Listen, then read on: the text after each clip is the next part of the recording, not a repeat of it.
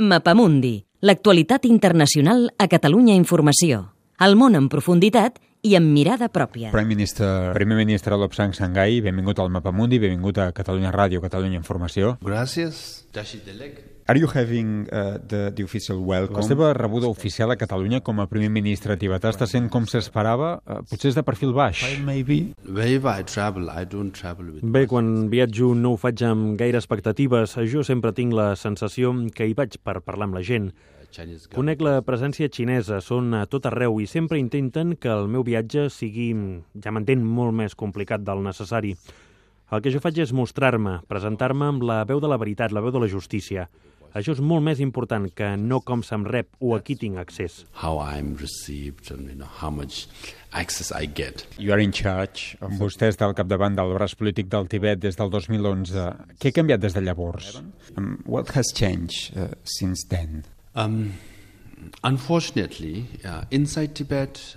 Malauradament, has changed. dins el Tibet no ha canviat gaire res. La situació continua sent nefasta. Al 2009 al Tibet només hi va haver una immolació.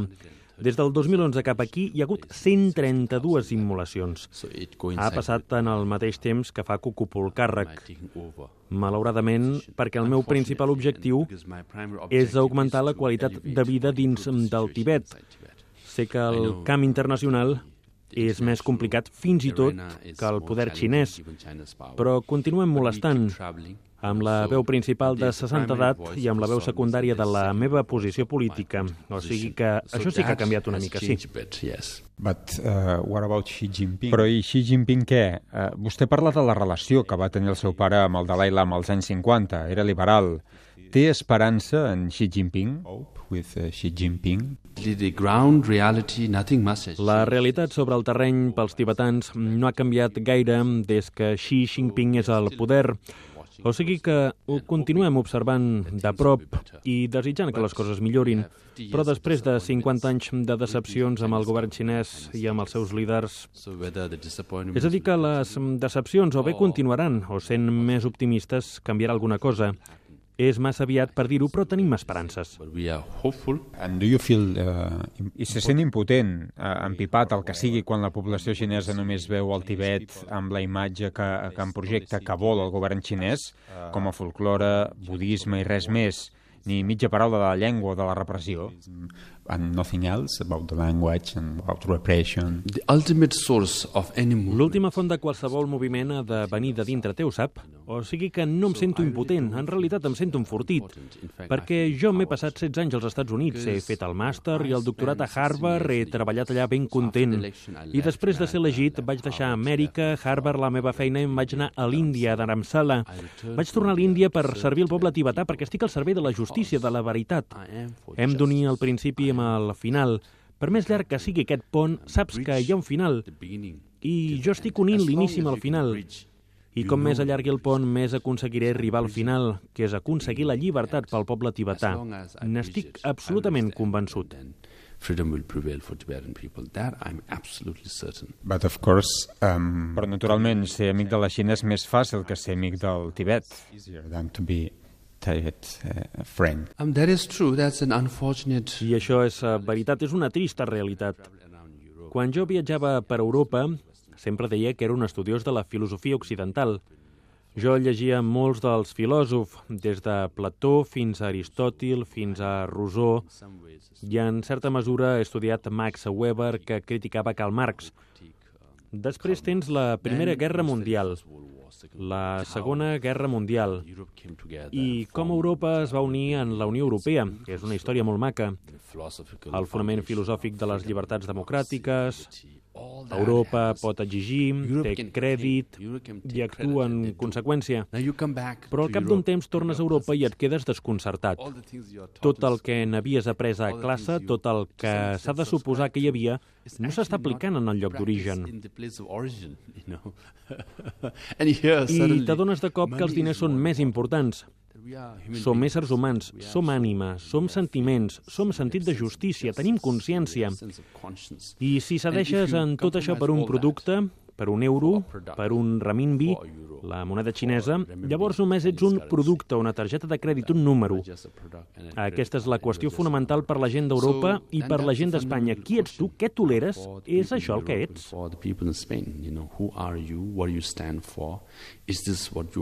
What about uh, I sobre l'opció que ha escollit, l'opció del Dalai Lama sobre una autonomia genuïna per al Tibet, the genuine autonomy? We've been very realistic and pragmatic. Hem estat molt realistes i pragmàtics. La història diu que el Tibet va envair la Xina i que la Xina va envair el Tibet. Però, d'alguna manera, hem de trobar un camí per una solució acceptable. Als anys 60 vam perdre el nostre país, sobretot per l'ocupació militar xinesa. La comunitat internacional ha deixat clar què farà i què no farà.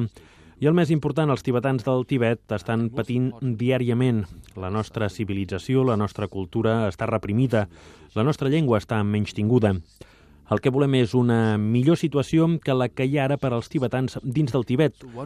Aquest és el nostre principal objectiu. Com podem millorar? Com de ràpid ho podem fer? És la prioritat. Han d'acceptar aquesta proposta moderada, una proposta en què tothom hi guanya. I guanya la Xina perquè se'l respecta la sobirania i la integritat territorial. I el Tibet hi guanya perquè tindrem una autonomia genuïna sota les lleis xineses. És una aproximació pragmàtica. So this is a very pragmatic approach. Win-win position. la posició win-win, tothom hi guanya. Però i Hong Kong què? És el mirall on es volen reflectir. Ara tenen llibertat d'expressió, però han impulsat la revolució dels paraigües perquè volen més i més. More and more. A Hong Kong ja tenen garantit allò d'un país, dos sistemes, i els principis bàsics ja els atorguen una gran autonomia. Però ara el govern local ha publicat el llibre blanc fent passos enrere, retallant les promeses que havia fet. Per això hi ha les protestes al carrer. És un test per al govern xinès. El que em diuen a la llei bàsica, el que prometen s'ha d'aplicar. Així a Hong Kong no protestaran. En part això és el que diem els tibetans. Si el govern xinès aplica el que toca segons les seves pròpies lleis, s'ho prendran com una autonomia genuïna i tampoc no protestaran més. Protest from Tibetans as well. Uh, here in Catalonia, Aquí a Catalunya hi ha protestes perquè ja sap que molta gent reclama el dret a decidir. to have the right to decide. Yes, uh, Sí, Catalunya és una nació única, amb la seva llengua, la seva cultura, la seva història molt semblant al Tibet. La diferència és que mentre els tibetans busquen una autonomia genuïna dins de la Xina, una part dels catalans busquen més que això. Però això és la decisió de la gent. Dit això, veure la gent al carrer, tan ordenada, tan agradable, amb la principal manifestació sense incidents, això és increïble. I jo em pregunto, per què el govern xinès no permet això? Potser tenen por d'alguna cosa. Sí, aquest és el problema. Crec que un problema fonamental del govern xinès cap als tibetans és l'estat de desconfiança. No confien en els tibetans. Fins i tot havent atorgat un país dos sistemes a Hong Kong, perquè ells són xinesos, i a Shenzhen, i a Guangdong, i a Xangai tenen més autonomia perquè són xinesos Han. I al Tibet fins i tot el que està dins la llei no s'aplica. Hi ha tanta desconfiança que una sola persona manifestant-se al carrer acaba detinguda, pallissada, desapareguda i morta.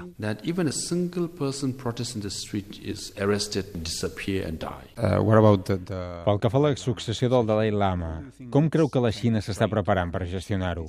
Bé, tenim el, el Panchen Lama aquí sap on. we have the Panchen Lama, um,